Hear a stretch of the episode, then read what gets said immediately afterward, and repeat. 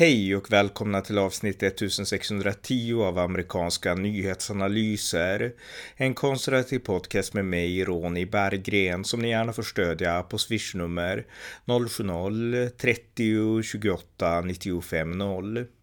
I detta avsnitt intervjuar min kollega John Gustafsson nationalekonomen Brian Riddle från Manhattan Institute, en av världens mest inflytelserika tankesmedjor. Brian Riddle bor i Washington DC, har tidigare arbetat som rådgivare åt senator Rob Portman, som sitter i senatens finansutskott. I detta avsnitt pratar Brian Riddle och John Gustafsson om varför USA tycks ha ett permanent budgetunderskott, om den höga inflationen och om Kina kommer att ta över USAs position position som världens främsta ekonomiska supermakt. Varmt välkomna!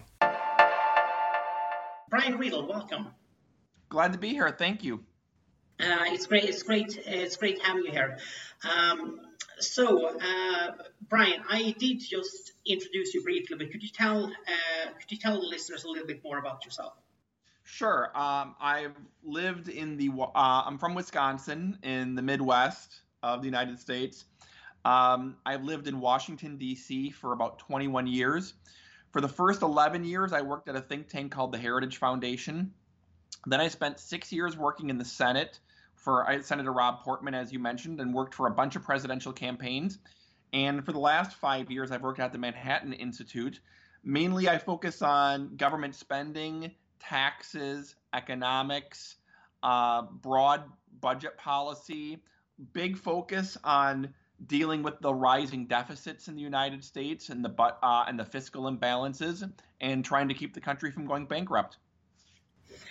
Well, that is um, that's. Uh, uh, that's that's a that's a that's certainly an honourable goal, if nothing else. I, I hope you're able to pull it off. um, so, since uh, since you worked uh, as an economist and you worked in Washington, D.C., um, could you shed some light on why balancing the budget is so difficult in the U.S.? Because, um, look, I would be the first to say that Sweden has a lot of flaws, but we do mostly balance the budget, most years at least. So, yeah. why is this so tricky? I think the uh, two reasons there's the, the the structural reason and the public opinion reason the public opinion reason is that the American people have maintained their long anti tax view that goes back to the founding fathers. America was founded basically as a tax revolt from England, and Americans have always had this visceral opposition to the government taking their money and taxing them. But at the same time, Americans have grown increasingly addicted to government spending.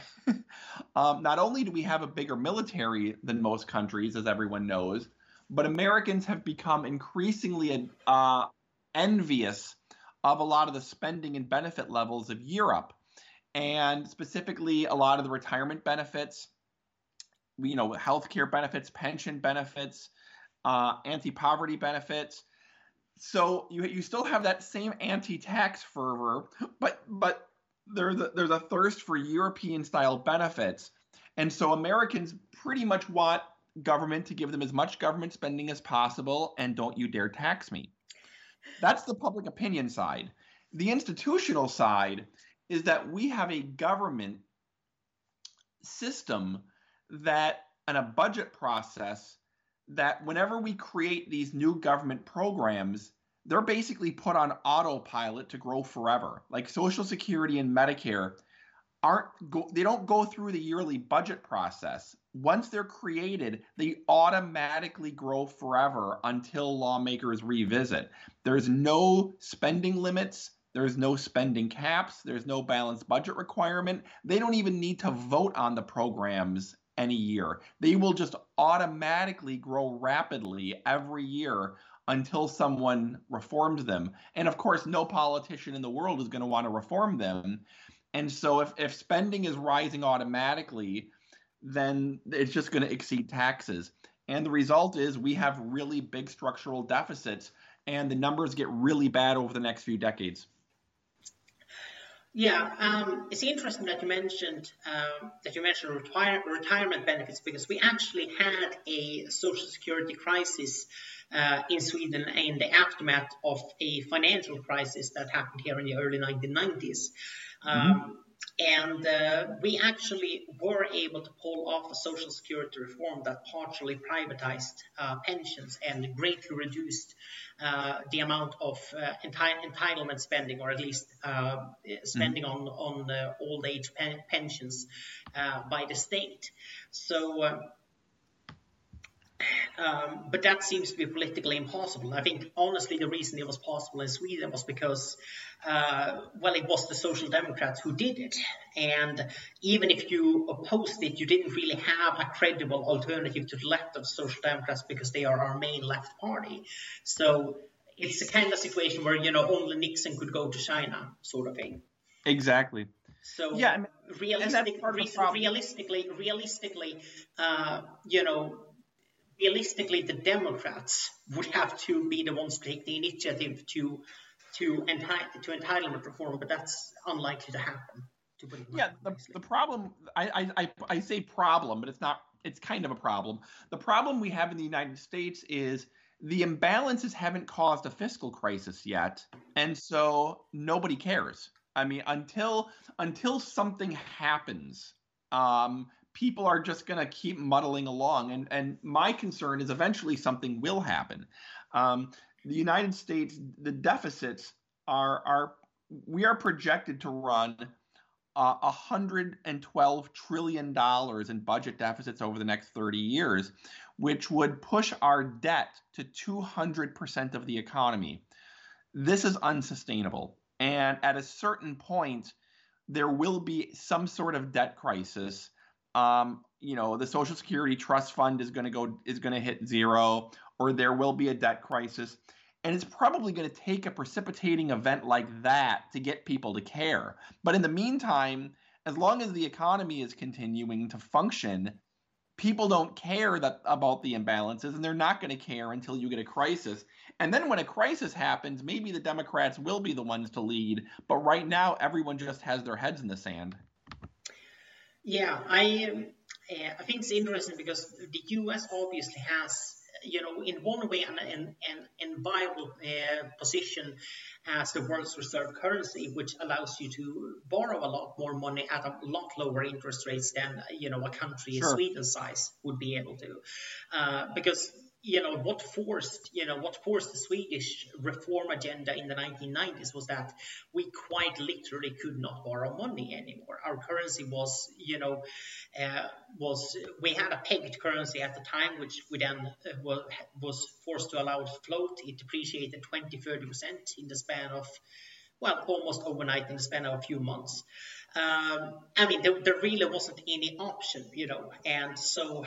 Uh, and uh, we had even started borrowing in foreign currencies because it was so hard to issue debt in Swedish crowns anymore, which uh, which obviously is not a problem the, U- the US has. But I feel but I feel kind of like kind of like what you're implying here. It's breeding a sense of complacency.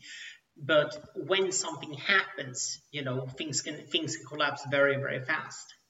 So. Yeah, and, and, and you know, in, in a way, you could almost say Sweden was fortunate in their situation because of the foreign currency borrowing, it installed some discipline sooner than it will in America. America can borrow in its own currency, which means we can keep just printing money if we need to. But ultimately, that just means you wait longer before you hit a crisis, and the crisis becomes that much bigger. And if if the answer in the United States is just printing our own currency, you you you bring huge inflation. And I, I kind of wish we had a, an event in America that would instill some discipline before it gets to that point. Yeah, I also think we were talking about you know the public, uh, the public opinion, public demand uh, side. Uh, one thing that I find sort of baffling as a European is uh, sort of um, the lack of international perspective in American politics. I think it, I feel like it's sort of the other side of American exceptionalism in a way. Uh, it's, a, it's a side of exceptionalism that says we don't need to learn from anybody else. Because right. when uh, when you have people talking about other countries, it's always either in the uh, context of you know of painting another country as a utopia. You know, just look at what Sweden and Denmark and France are, are doing, and they have free college tuition, and they have you know this and that uh, or it's in the context of you know creating uh, creating a boogeyman essentially and talk about you know you have people on the far right saying Sweden is in civil war. We're not. Situation is bad, but we're not in civil war. You know, it's um, it's all it's always exaggerations. You know, there's no nuanced debate. There's no like, okay, let's have a you know close reasonable look at what other countries have done and let's try and see if we can maybe learn something from their experiences.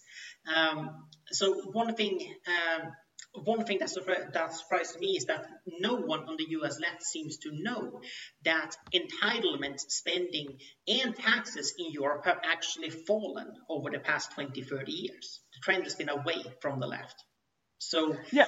Uh, and I mean, in Sweden, the last time the actual, you know, left had a majority, had won a majority in a in a in a parliamentary uh, election, you'd have you'd have to go back to 2002, if you, and that's if you count the the Green Party as left, and they were, you know, center left at the time.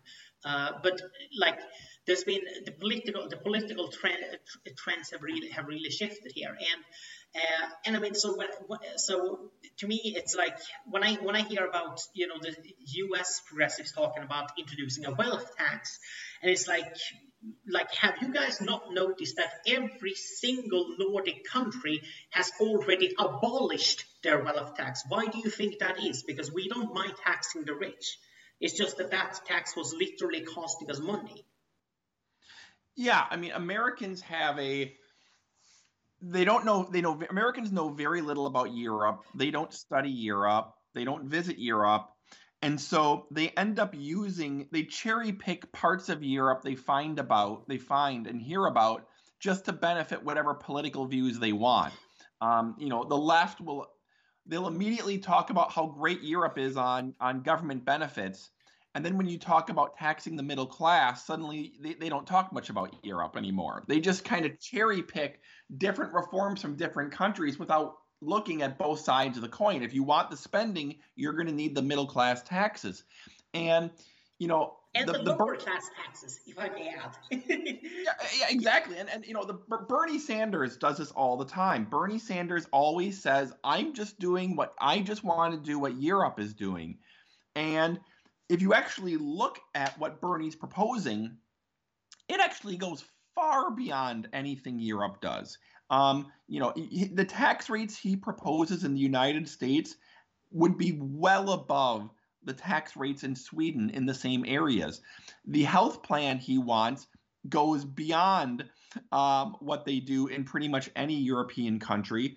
The government job guarantee is something that uh, you know that the way that he proposes it doesn't exist in any other country yet he constantly talks about i'm just doing what europe does it works in europe it'll work in the us because he's just playing he's playing into a cartoonish stereotype of europe that not only never existed but is actually going the opposite direction the last few decades in reality in europe but you know his voters who i'm sorry to put I'm, I'm sorry to put it this way his voters, who generally are extremely low information, uh, don't really have a sophisticated understanding at all, just eat this stuff up. Yeah. Um, so, I, so I already told you about the time when I showed my students uh, who, who, who were American college students whom I was uh, whom I was teaching as pastor, and I showed them how much a low income earner actually pays in taxes in Sweden. Uh, but there was another sort of eye-opening moment as well, and that was when I asked them. Um, so first I asked how many people here support universal healthcare, and that was all of them, of course. And then I said, uh, so okay, so which universal healthcare system do you support? So uh, and then I so then I started counting up and said, okay, so you have the national uh, universal healthcare system of the UK. You have the regional regional council-based universal healthcare system of Sweden. You have the insurance-based uh, which is kind of Obamacare but with some added steps. Uh, you know, version of universal healthcare in Germany. You have the you have the public-private model in Ireland, etc., etc. It is not one thing. There isn't like, oh, we're just gonna do it like Europe. What part of Europe and at what time? You know, that's. Um, uh, so, but I, I, will say to their credit, they were very open-minded. So I was um, so that was something that actually got got think, think and actually spurred some discussion about what system might actually be able to work in the US. Uh, I will also add just from the point of universal healthcare that another reason that is not mentioned very much why your healthcare costs are so much higher than ours uh, is because uh, well, quite frankly, your healthcare workers, and in particular your medical doctors, make a lot more money than ours, and I mean a lot more. Uh, about three times, you know, the average doctor in the US makes about three times what the average doctor in Sweden does. So that in itself would be the follow-up question to Bernie Sanders. Okay, are you going to cut down the wages? You know, because right now these people are making private sector wages. Are they going to continue to do that, even if you force them to work in, you know, hospitals that are owned by, by the federal government or that are, that are in the public sector? Or what's, you know, what's what's the plan essentially?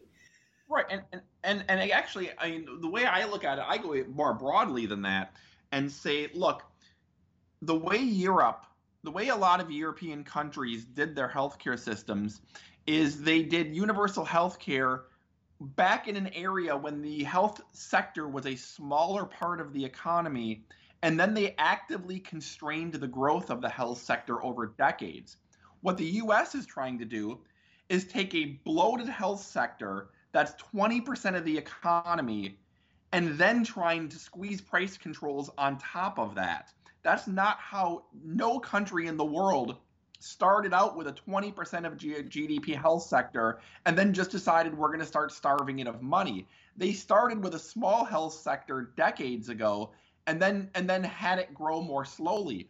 And it's not even just salaries. Salaries are a big part of it, but the US has really expensive healthcare technology. We have really spacious hospitals. We have a lot we have more per capita hospitals than almost any other country. They're spacious hospitals. We have more R&D than most countries.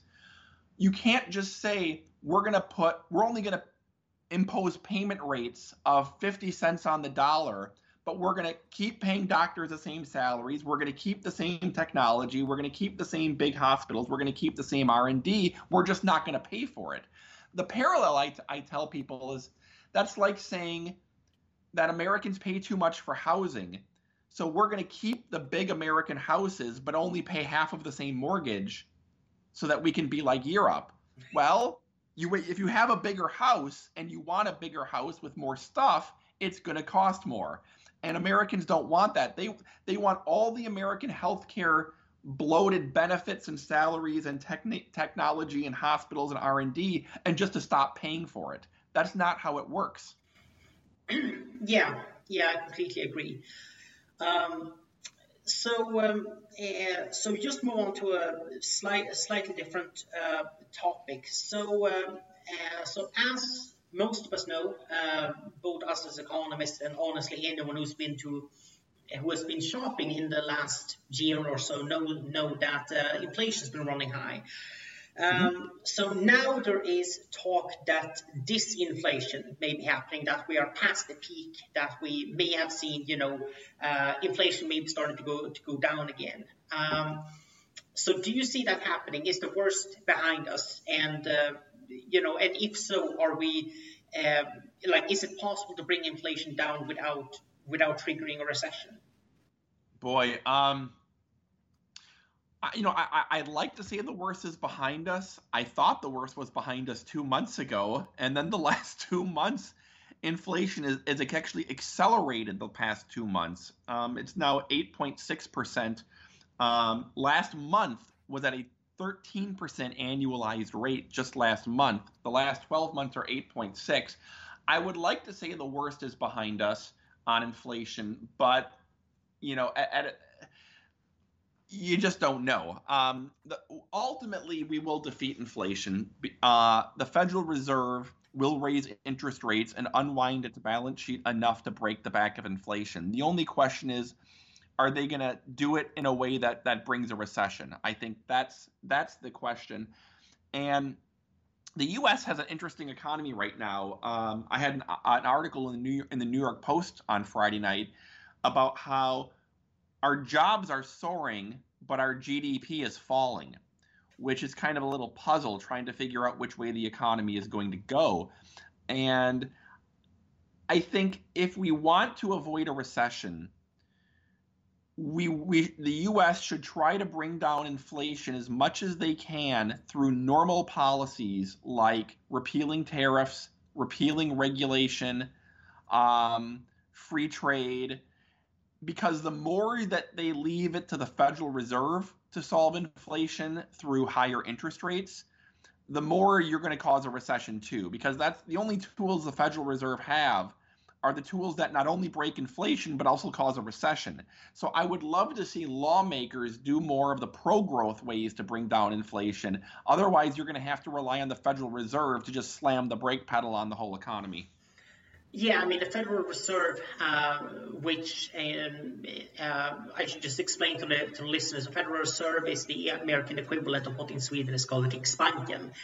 Uh, so, uh, so the, the, Federal Reserve, obviously, interest rates are effective, but they're they're a very heavy-handed tool. Um, yes. So, uh, so that's interesting, and of course, the way that deregulation and uh, and uh, tax cuts would work uh, would be by reducing, essentially targeting the supply side, reducing the cost of production, and then reducing the final the final prices. Um, which would then bring bring down infl- inflation that inflation that way. Um, uh, but if there is, um, I mean, if if there is a recession, I feel like one thing that, uh, well, I'm not going to say no one has talked about it because many people have, but in my view, not enough people have mm-hmm. talked about, is that um, there are so many uh, major cities in America. This honestly holds true for my country too, but it's the US mm-hmm. we're talking about, uh, where uh, rents have gone up a lot in the last 10 years. So in a similar, you know, obviously it won't be identical, but in a similar, you know, 2008 crisis where uh, people can't afford their mortgages, they lose their homes, then there won't really be any cheap rental units for anyone to move into. And in some cases, no rental units at all, which will, you know, cause a further displacement, you know, further, well, first of all, just human misery, just in general, but also further displacement as people end up having to move away from places where they work or where they can realistically find work.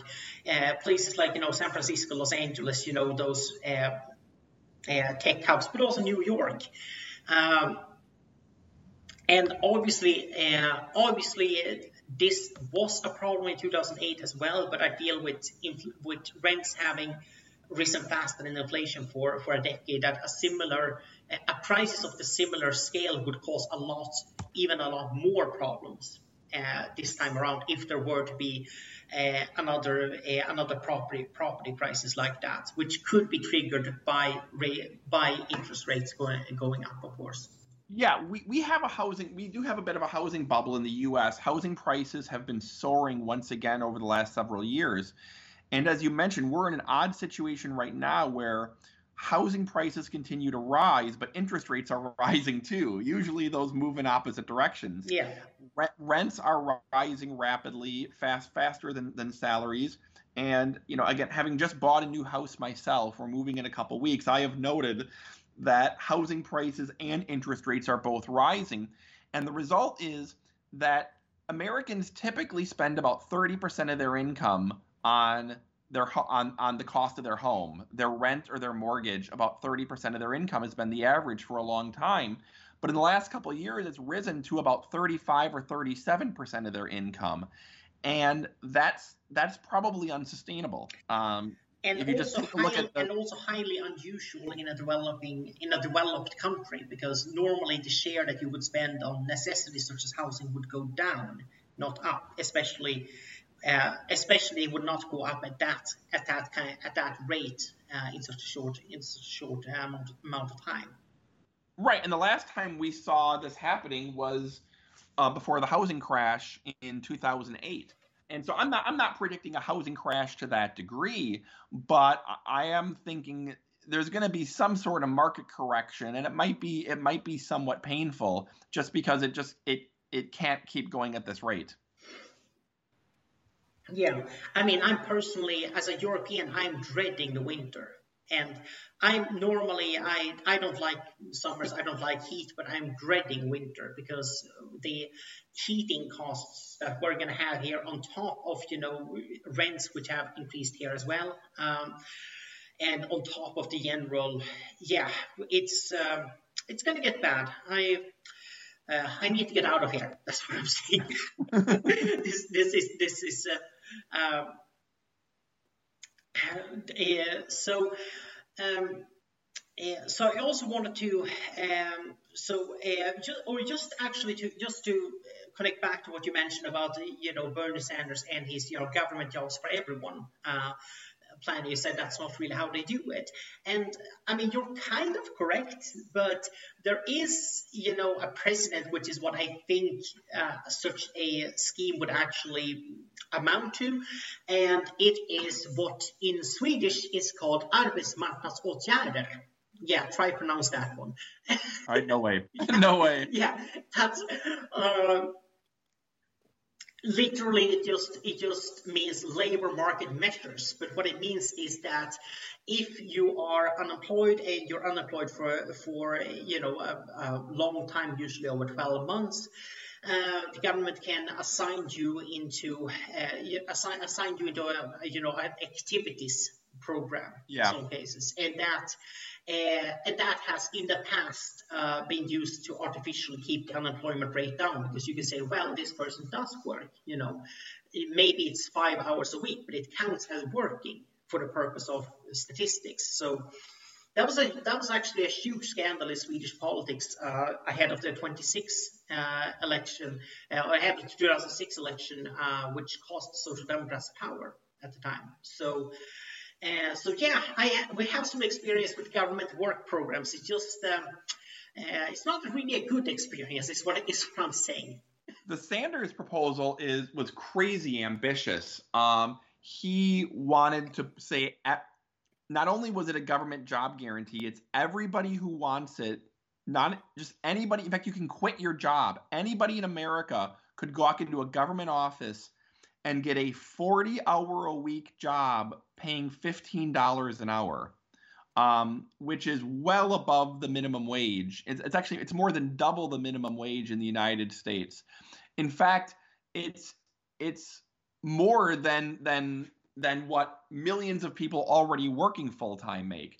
And so that that the scale of it was breathtaking because not only would you have all the unemployed people sign up for it but there's 30 million Americans for whom that would pay more than their current job. So you'd have about 30 million Americans quitting their current job in order to, to take the government job of a guaranteed 40 hours a week, $15 an hour. The cost would have been enormous again because you have people would all quit their it's it's better than the jobs people currently have. Yeah, although if um, just as just as a counterpoint, I have a feeling that most of those jobs would not have been in locations that people would have wanted to live in because it's kind of like I mean, if you talk to any far leftist online and you talk about you know communism or the Soviet Union, they say, well, in the Soviet Union everybody got a job, which is technically true. The Soviet Union had full employment for most of its exist most of its existence anyway, but that job could be literally you know will send you from Moscow to you know a mine in Siberia, and now that's your job. So I mean. Yeah, and so, uh, so, so yeah. I mean, I'm, I'm pretty sure that you can pull off getting everyone uh, 40, hour, 40 hours a week. Uh, I mean, that's not that may sound attractive, but it doesn't mean you get 40 hours a week at 15 $15 at you know wherever you're currently living. So, I mean, yeah, it's the program is unworkable for other reasons too. But I, I just wanted sure. just wanted to mention that because. Uh, even in a smaller country like Sweden, which is geographically, I think we're about half the size of California or something like that. I mean, we're, we're basically the size of a state. Uh, yeah. Even here, you have a problem where you can have a labor shortage in some areas uh, and unemployment in other areas. But the areas that have labor shortage are the ones that are far off into, you know, up in the north and have you know, basically not much happening, not much happening there, uh, there, and it's just places nobody would would want to live. Yeah. So, uh, so because of course, I mean, America could in theory, you know, invest in, you know, massive like New Deal style infrastructure projects, uh, but then of course that would mean building that infrastructure and you know setting up, you, you know, potentially having workers, you know, live you know, live in the, in the trailer parks or in tents or whatever, or whatever for weeks and then constructing railways in the middle of no, nowhere and whatnot. And that's the kind of stuff that people tend to want uh, a lot more than fifteen dollars an hour to do. Sure. So. Sure. The Sanders stuff seemed like it was just going to be make work. Like they basically just find anything local for you to do but he didn't really define it very well. And thankfully, we're not going to have to find out what it, what it was because thankfully he, he, he, didn't do very well in the primary. But, you know, all sorts of unworkable stuff here. Yeah. So, well, I mean, we're not completely out of the woods yet. The guy is still alive, and 2024 is around the corner. So who knows? That is true. That is true. Uh, so, just want to, so as a sort of finishing um, uh, just finish, finish our discussion. Um, so one thing that I one thing I remember uh, very clearly from uh, from the 2016 primaries, other than Donald Trump, he got all the attention. But one thing that I uh, one thing I remember very clearly was uh, uh, Marco Rubio, who you know his slogan was you know make this a new American century or something like that. Mm-hmm. Talked about yeah. American century. So. Um, my question so as an economist do you believe that's possible to have another american century or is this i mean is is the western world you know bound to be toppled by you know the likes of, of china in terms of geopolitical influence or what? Yeah. Do we even have a shot here? Is it possible um, to have um, another american century? That's a great question. I mean what what what you learn in economics class is that once an economy like the US gets to a certain point where it's a mature economy, it's going to grow less than developing economies like China. You know, that you, you get to a certain point where an economy has kind of hit its efficiency equilibrium and it's not going to soar, and other countries should gradually catch up. What America would need to have another American century is some sort of major productivity or technology burst that other countries can't catch up on, or some sort of external shock where you know there's a war or, I or something like you were that. Gonna, you were going to say we need another world war. You know that's what. I don't want to say another world war. Some, some um, political instability in other countries, war in other countries. Now some sort of shock. Like a really but... neoconservative. I'm not rooting for that. no, I'm, I understand. I'm, I'm kidding with you. I'm just saying, as an economist, you probably need either either a productivity and technology burst that only the bigger countries can afford and utilize, or some sort of political or national security instability in other countries to drag them down. I think it's more likely that other countries catch up to America more than it is that that America widens the gap. Yeah, I mean, I would say among those two two scenarios, you know, technology burst versus the other countries, I think the second one is more likely.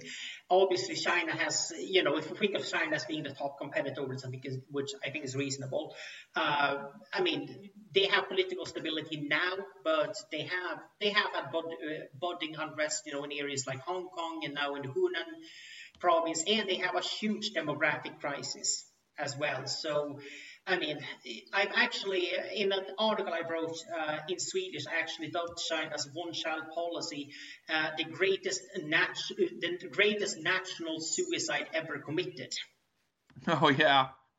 So yeah, I, I, if China if China fails to catch up with the U.S., it will be because they literally did themselves in. Yeah, I mean that, and that's one thing America too. Um, America could probably, you know, can almost certainly benefit itself more with more immigration long term, not only having more workers and especially there's the big push in America to to encourage high skilled I mean, immigration. I would love to come over, you know, if that's an invitation. We'd welcome you. We'd welcome you. We high skilled immigration is is one of the, the, the most important ways for the economy to move up. And and that you know it remains to be seen if America is going to go that direction or not. Uh, But I you know high skilled immigration is is definitely a, a, an important component. Absolutely, and and especially you know. Uh, con- contradictorily as it may as it may sound, high skilled immigration from countries that are America's geopolitical competitors because every Chinese genius who is working in the US instead of in China is, you know, one step one step further away from China from China catching up, quite frankly. Yeah, I mean, and what they call it here is, you know, make our make America the Harvard of the world.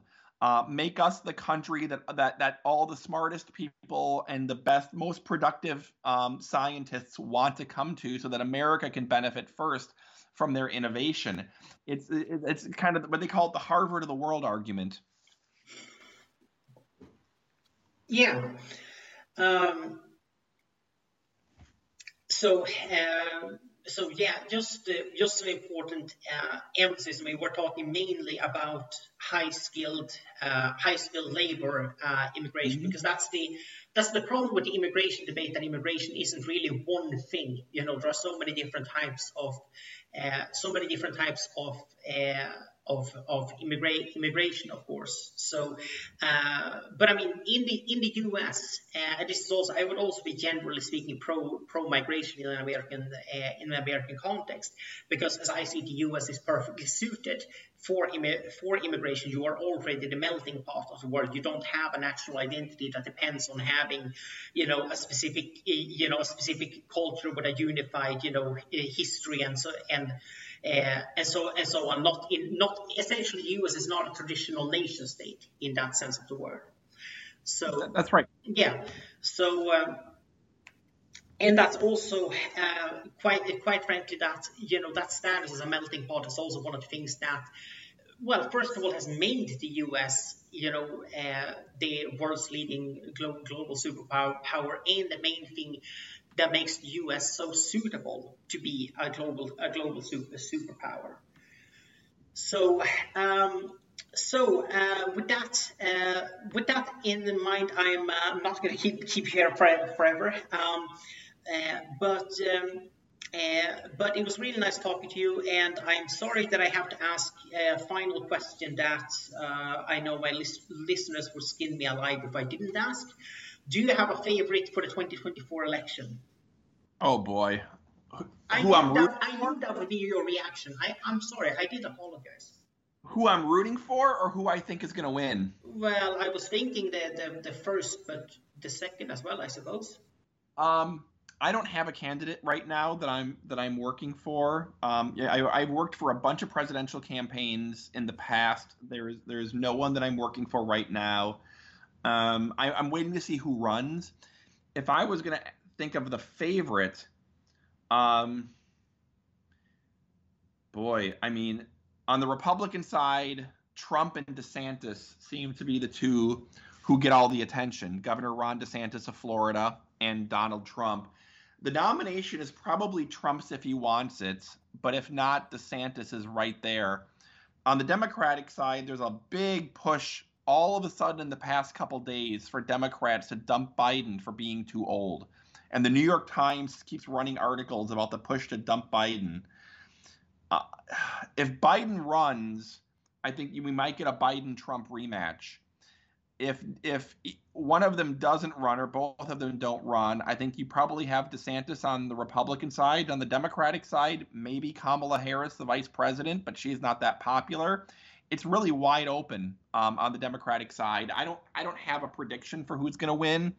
Um, but I think it might, you know, I would bet on at least one of these people that I mentioned getting getting getting across the finish line.